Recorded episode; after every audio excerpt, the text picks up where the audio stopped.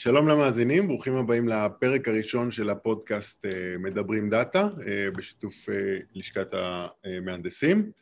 אני יונתן רוזנבלט, יש שיגידו דוקטור יונתן רוזנבלט, סטטיסטיקאי בהכשרה, עושה Machine Learning, Data Science, הרבה שמות לעניין, ולמעשה זה יהיה הנושא של הפרק הראשון שלנו. יש לנו שני מרואיינים מאוד מכובדים שהואילו בטובם להצטרף, פרופסור יעקב ינקי ריטוב, אמריטוס באוניברסיטה העברית והיום באוניברסיטת מישיגן, ופרופסור יאיר וייס, גם הוא מהאוניברסיטה העברית. בעבור המאזינים שבעוונותיהם לא יודעים מה עשיתם ומי אתם, אני אגיד כמה מילים, אז ינקי, תתקן אותי אם אני טועה, המומחיות שלך היא סטטיסטיקה ותיאוריה סטטיסטית ויישומים של הסטטיסטיקה. בהכשרה יש לך תואר ראשון ושני בהנדסת חשמל מהטכניון, דבר שיהיה מאוד רלוונטי, כי כאמור הרבה מהמאזינים שלנו בעצמם מהנדסים. הכשרת 21 דוקטורנטים, כתבת שני ספרים, פרסמת כ-154 מאמרים, וכותרת הדוקטורט שלך הייתה Robust Based Procedures, ואני מציין את זה לא כי קראתי את הדוקטורט, כי למרבה השעשוע גם יאיר עשה דוקטורט על בייז, יישומים של בייז. אז יאיר עשה את התואר ראשון שני מתמטיקה באוניברסיטת תל אביב, דוקטורט ב-MIT, כותרת הדוקטורט שלו הייתה Bayesian Models for Perceptual Organization and Motion Analysis, אז צירוף מקרים משעשע ששמתי לב אליו.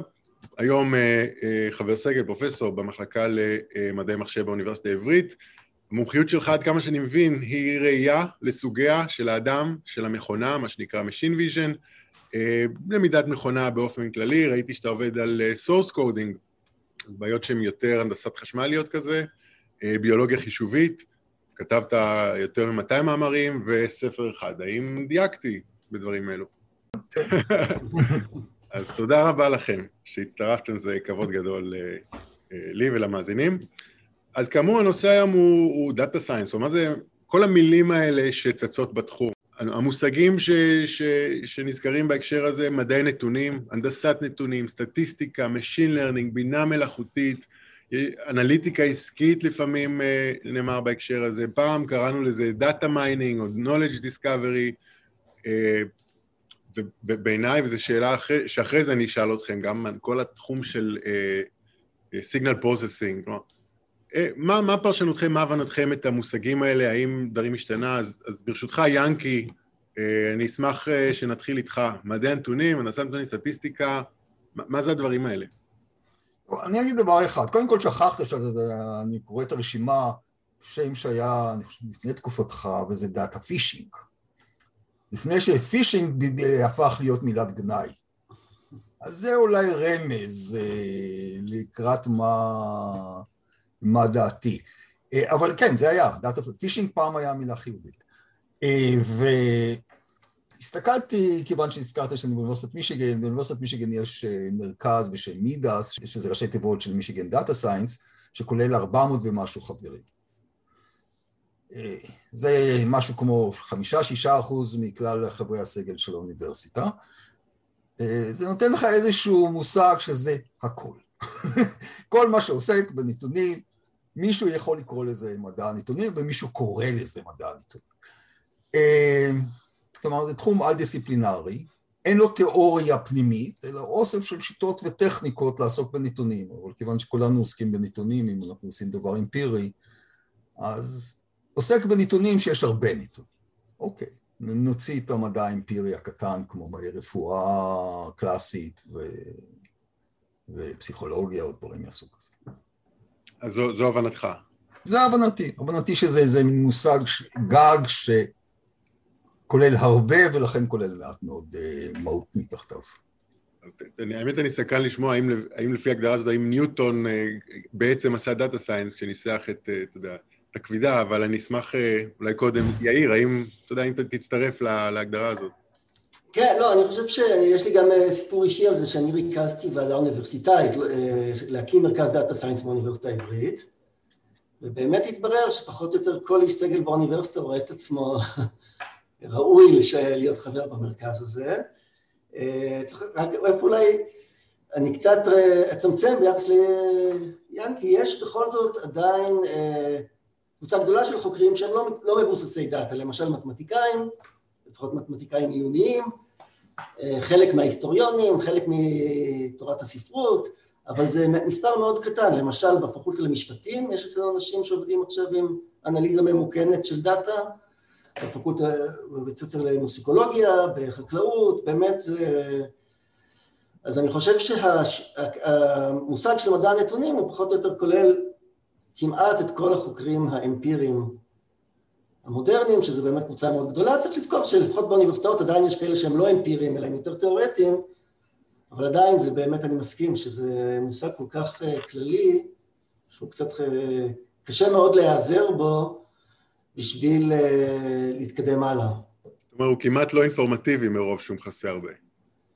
כן, זאת אומרת, למשל, ההחלטה שאנחנו בסופו של דבר קיבלנו זה שמי שיהיה חבר במרכז יהיה באמת מישהו שמעוניין לשלב מתודות חדשות עם המחקר שלו, וזה קצת מצמצם יותר את ההגדרה מאשר כל מי שמשתמש בנתונים, שזה ההגדרה אולי ה... היותר, היותר אה, כללית. אבל אם לא אוקיי. מצמצמים, אני מסכים, זה, זה ביטוי שאין לו הרבה, הרבה שימוש. אז האם להבנתכם, אומנם אה, אנחנו אנשי אקדמיה, וזה אומר שההבנה שלנו, איך מודעות דרושים ושוק העבודה היא יותר מצומצמת, אבל האם להבנתכם ככה גם אה, העולם הרחב מפרש את המושג, או שבעיני אחרים הוא דווקא מוגדר היטב, ונדבר על אוסף מיומנויות אה, מוגדר היטב. ינקי, ברשותך. אני אוסיף שתי הערות. א', באוניברסיטה העברית פתחו למיטב ידיעתי משרות במדעי הרוח לאנשי נתונים, כלומר אה, כהגדרת אה, מה שמחפשים. בפועל מה שאנשים מבינים לפי הבנתי, אה, קצת משפט מוזר, זה כמדע אוסף שיטות נטולות תיאוריה של עיבוד נתונים. אז כאמור, היות שאנחנו בלשכת המהנדסים, ואתה יודע, אתה עושה תואר בהנדסת חשמל או הנדסת מכונות, כשאתה מדבר על דאטה, זה ייקרא לא אחת אה, עיבוד אותות, signal processing או digital signal processing. כמובן, זה מושג שאולי מגיע מתחום התקשורת, ואיך לשדר ואיך לפענח, אבל אה, גם כשזה מנתח נתונים, כן, הטבע משדר לך נתונים, אתה רוצה לפענח אותם, אה, אז האם בתוך הסל הזה שנקרא מדעי נתונים הייתם מכניסים גם עיבוד אותות במובן האנליטי? ינקי? אני חושב שכן. אני משם באתי כאמור. זהו, אוקיי. יאיר, אתה תצטרף? אה? אוקיי, אז באמת מי שעשה עבודה מאוד יסודית בעניין הזה זה יואב בנימיני, שניסה באמת להגדיר אה, לצורך אה, כל מיני ועדה לאומית למדע הנתונים, מה זה ההגדרה של מדע הנתונים. הוא באמת חילק את. חוקרי מדע הנתונים במדינת ישראל, יש שתי קבוצות, חוקרים שמפתחים מתודות חדשות, וזה בהחלט כולל גם אה, הנדסת חשמל, גם עיבוד אותות, גם מתמטיקה שימושית, גם סטטיסטיקאים, גם מדעי המחשב, ואנשים שמשת... חוקרים שמשתמשים במתודות, שזה כולל פחות או יותר, כמו שאמרתי, כמעט את כל המדע המודרני, פרט למתמטיקאים ו... וקצת היסטוריונים. אה, אז כן, אז לגמרי, לפחות לפי ההגדרה שלו, אם אתה יושב במחלקה לעיבוד אותות, חוקר עיבוד אותות ומפרסם בעיבוד אותות אה, ואתה מפתח שיטות חדשות, אז אתה מוגדר עדיין בצד הזה, בצד היותר ליבתי של מדע הנתונים. אני חייב להגיד אבל כמי שלימד את הקורס ב-DSP אה, באוניברסיטה, זה בכל זאת דיסציפלינה שונה, זאת אומרת, אה, לא הייתי רוצה שייווצר הרושם אצל המאזינים שאם הם למדו עיבוד אותות, אפילו אם למדו אצלי, אה, אז אין להם מה לקחת עוד קורסים במדע הנתונים המודרני.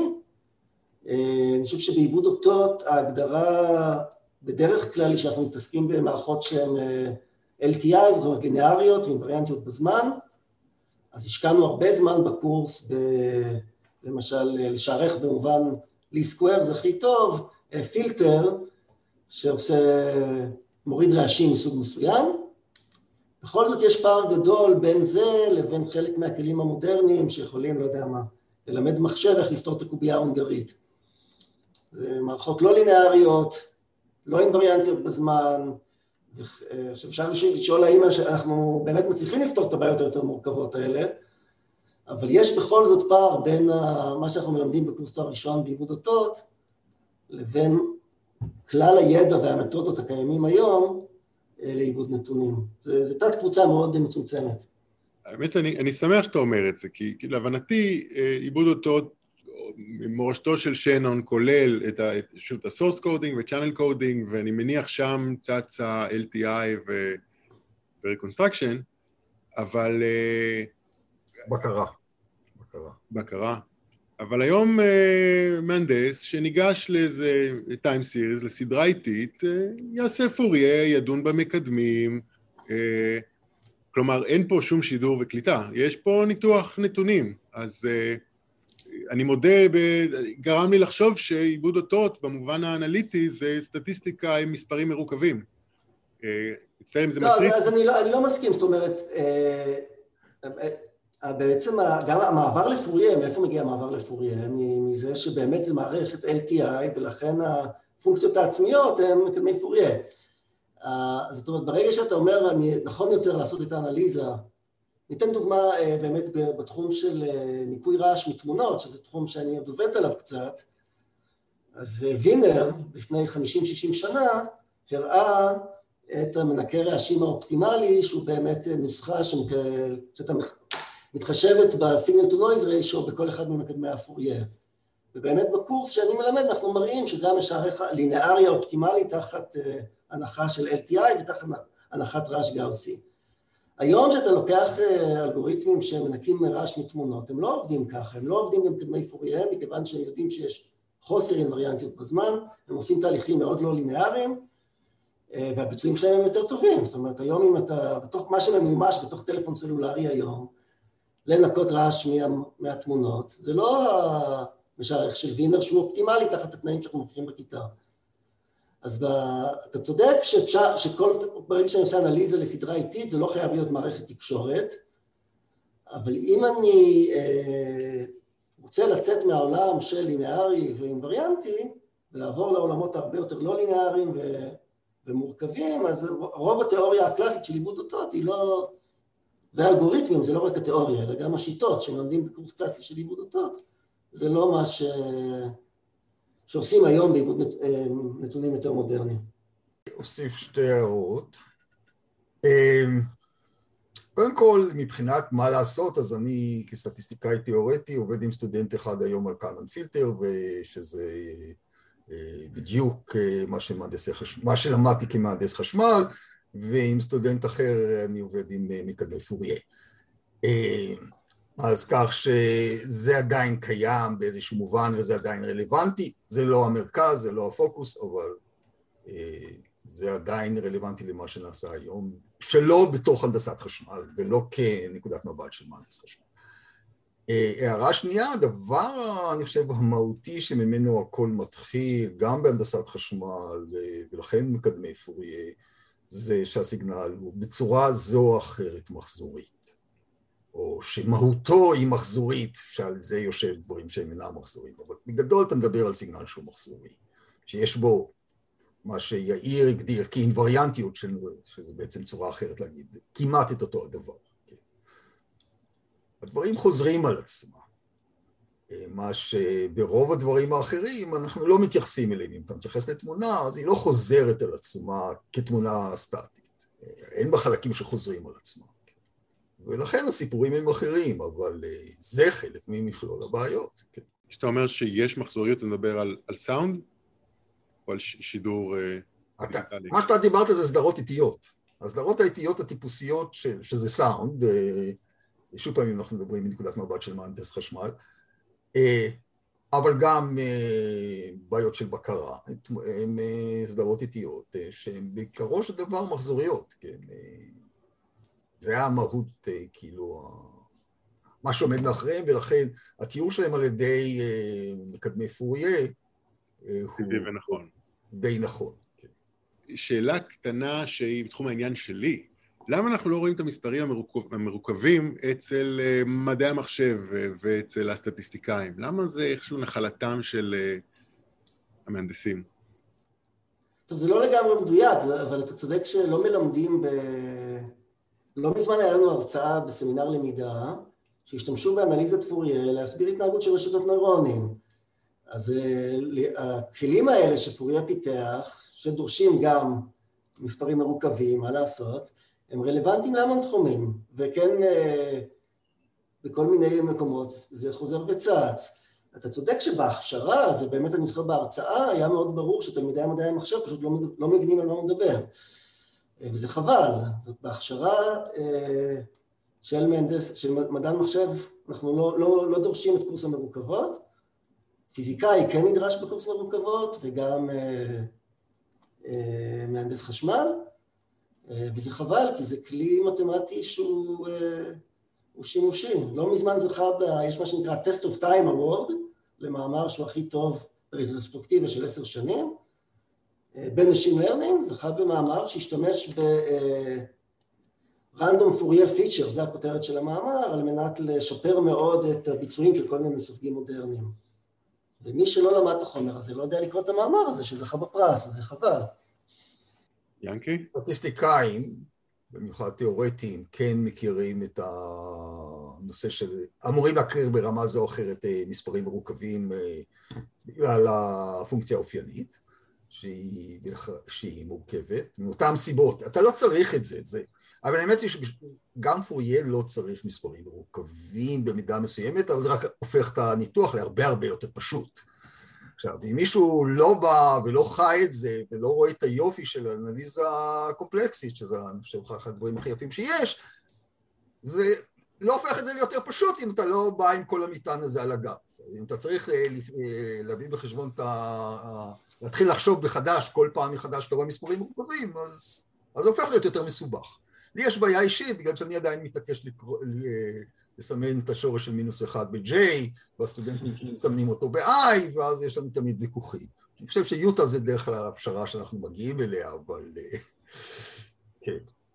אוקיי, אוקיי, אז, אז אם ככה מה שאני רושם, כן, זה כלי חזק וטוב, ואם הוא פחות פופולרי באיזו קהילה זו או אחרת, זה פשוט כי איפשהו צריך להעביר את הקו בתוך אה, נקודות הזכות של תואר ראשון. כן. אוקיי. אה, אני חושב שכל הנוכחים יסכימו שהתחום, שוב, תקראו לזה דאטה, סטטיסטיקה, עיבוד אותות, learning, הוא בפריחה מטורפת בתקופה הנוכחית. רואים את זה במודעות הדרושים, רואים את זה במשכורות של אנשים בתחום, בביקוש למסלולי לימוד באוניברסיטאות, הסיגנל נמצא בכל מקום. אז מן הסתם יש לי דעתי שלי, אני סקרן לשמוע למה לדעתכם עכשיו? כלומר, א', האם זה הייפ או, או תופעה אמיתית, ו, ולמה דווקא עכשיו? טוב, אני חושב שה... הכל, בעיניי מקום טוב להתחיל את הדיון הזה זה באמת בסרט מאניבול, שזה סרט על קבוצת בייסבול בארצות הברית של האוקלנד אייז, שה general manager האמין בדאטה והאמין בנתונים, ו...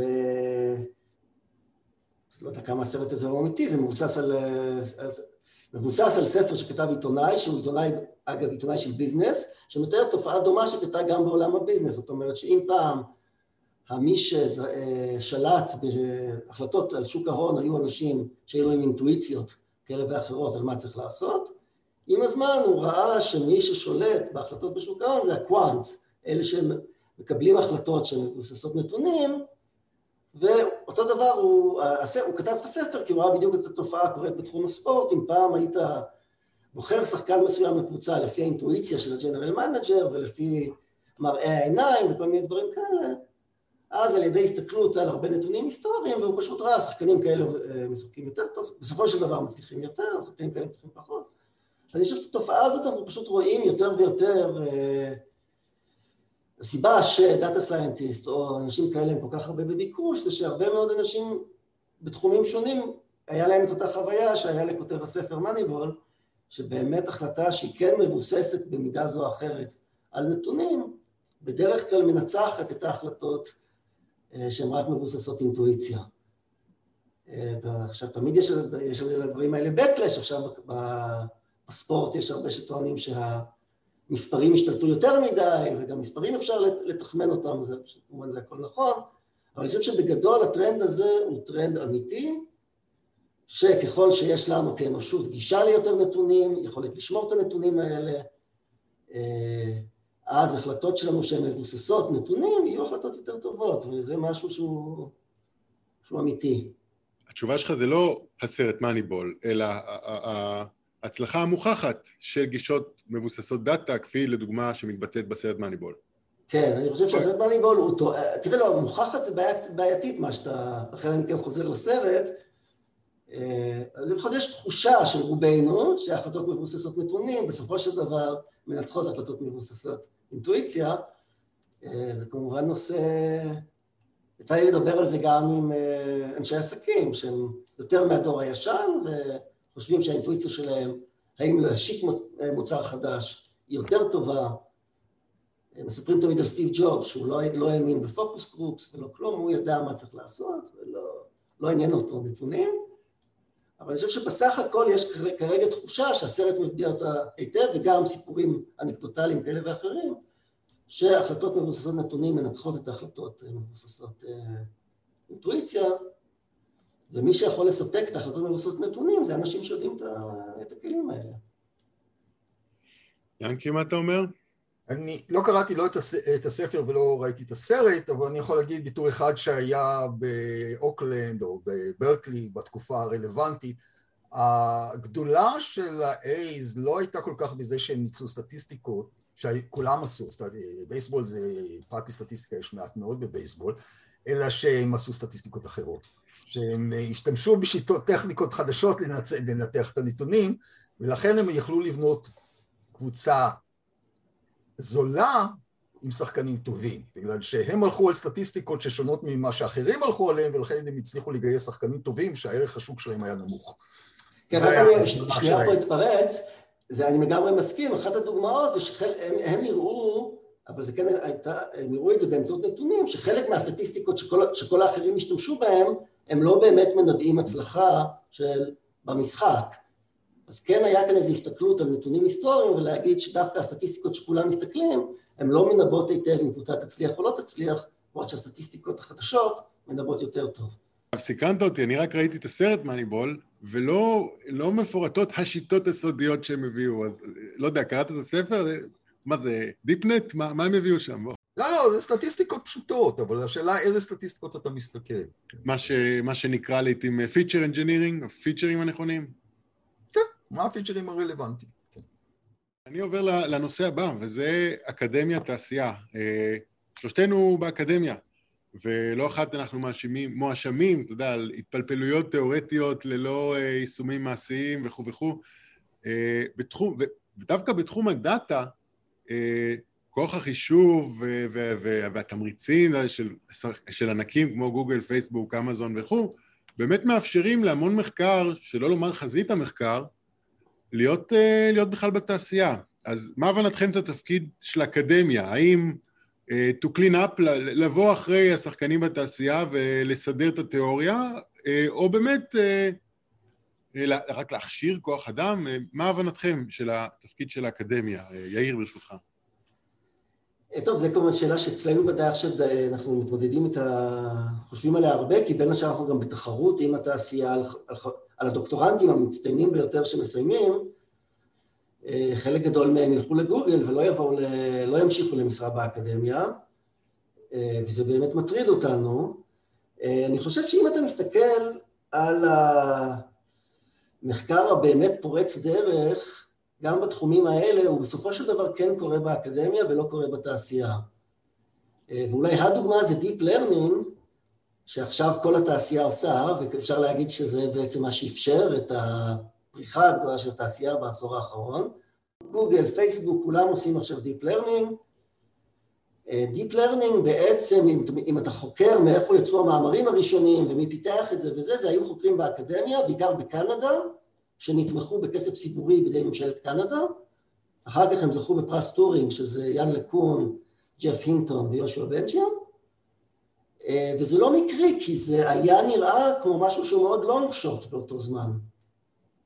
זה היה מסקרן, זה היה מעניין לראות כמה זה יצליח, אבל לא היה ברור בכלל, לפני 15 שנה, שהטכנולוגיה הזאת באמת תגיע לאן שהיא תגיע, וסוג כזה של מחקר קשה לעשות בתעשייה, עם כל הכסף הגדול שיש שם והמשאבים הגדולים, בסופו של דבר יש בעל מניות שצריך לתת לו תשובה למה אתה עושה את מה שאתה עושה, וקשה מאוד להצדיק מחקר ארוך טווח מבוסס סקרנות אה, בתעשייה, ושם קורים הפריצות דרך האמיתיות במחקרים האלה. זאת אומרת, ההצלחה של אלכס נט ב-2012 כמדומני, לא היה קורה אלמלא האובססיה הלא כלכלית אה, של, ה, של השלישייה הזאת לדיפנס.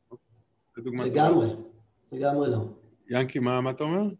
אני אגיד שני דברים. א', זה עניין של בג... אה, בגרות של תחום. אה, כל... פיזיקה גדולה נעשתה בלוס אלמוס, לא באוניברסיטאות. מדע, הנדסת מכונות נעשית בג'נרל אלקטריק, פרטן ויטני או רולס רויס, לא באוניברסיטאות. קשרים גדולים, שוב פעם, בונים בתעשייה. כל תחום, כולל תחומים תיאורטיים, ברגע שהוא בוגר ורוצה להיות גדול, הגדולה נעשית מחוץ לאקדמיה. האקדמיה עדיין היא זאת שדוחפת את הרעיונות, האנשים בלוס אלמוס באו מאוניברסיטאות וכן הלאה, כך שאני לא רואה, אני, כפי שיאיר אמר, הדחף עדיין צריך להיות, עדיין צריך להיות ויכול לבוא מהאוניברסיטאות. אוקיי, אני טיפה אתקדם לקראת הסיום, אז כמה שאלות קצרות לקינוח. אני רוצה להיכנס לתחום, נגיד יש לי רקע בהנדסת מכונות, בהנדסת חשמל, ביו-רפואית, איפה כדאי להתחיל? כמובן זה מאוד אישי, ויש מי שאוהב ספר, קורס, אבל איפה ככה טיפ שלכם, איפה כדאי לעשות צעדי כניסה לתחום הדאטה? יאיר נאמר? אני אגיד קודם מה לא לעשות. לא מזמן יצא לי לראיין במסגרת ועדה שאני נמצא בה, לראיין כלכלן שהוא מומחה ל-AI, ושאלתי אותו, איך נהיית מומחה ב-AI? הוא אומר, אני עוקב אחרי זה וזה בטוויטר, לכן אני מחזיק מעצמי מומחה ב-AI. אז אני חושב שהייתי רוצה קודם כל להגיד את המסר שזה נורא מפתה לחשוב שאם נקרא כמה בלוגים או נעקוב אחרי אנשים הנכונים בטוויטר נהיה מומחים. זה לא. מקבלים תמונה מאוד מעוותת, טוב, זה בכלל נושא אולי לשיחה ארוכה, רשתות חברתיות ואיך הם מגבירים תתי קבוצות של, ה... של עולם הרעיונות, אבל זה באמת יכול לגרום לתפיסה מאוד מאוד מעוותת של המציאות, אם אנחנו שואבים את האינפורמציה שלנו מרשתות חברתיות, אז לא לעשות את זה. אני רק אגיד, המאזינים שלנו יגיעו אלינו מהרשתות החברתיות. כן. לא, יש גם המון ידע טוב שמגיעים אליו, נכון, השאלה היא איך אתה... איך אתה דואג לא לעשות רק אמפליפיקציה למה שאתה כבר חושב שהוא נכון, שזה קורה גם בפוליטיקה וגם בדברים אחרים, ויש שם אתגרים, אבל, וזה לא, אותן בעיות קורות גם במדע, זאת אומרת, מי ששואב את הידע המדעי שלו רק מרשתות חברתיות, זה בעיה. אז אני חושב שיש קורסים בקורסרה ששמעתי שאנשים עשו, שהיו להם מוצלחים, יש...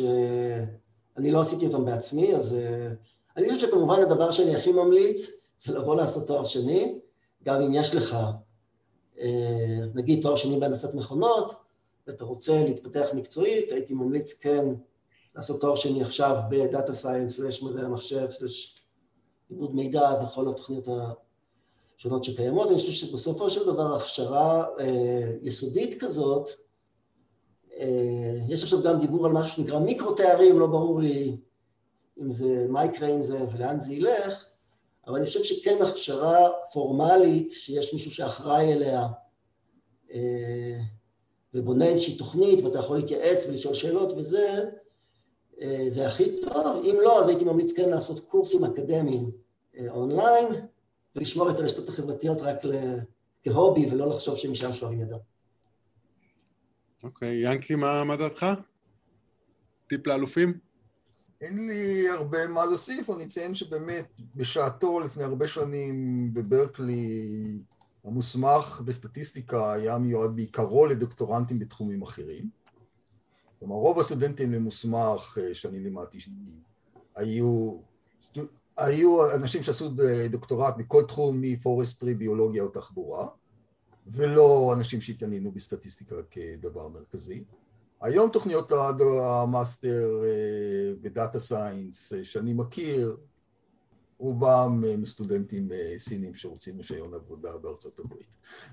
ולא, כלומר, דווקא בכיוון ההפוך ממה שיאיר המליץ.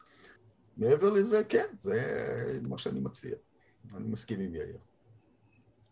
אוקיי. אגב, אני אצטרף, אכן, לא מניסיון אישי, אבל תלמידים שלי זה, החוויה עם קורסרה ואדקס וקורסים אונליינים הם מאוד, מאוד חיובית, מאוד מוצלחת. זה תחום שהוא נוח ללימוד עצמי בכלים הללו, מלבד כמובן האקדמיה הקלאסית שבארץ אנחנו מאוד טובים.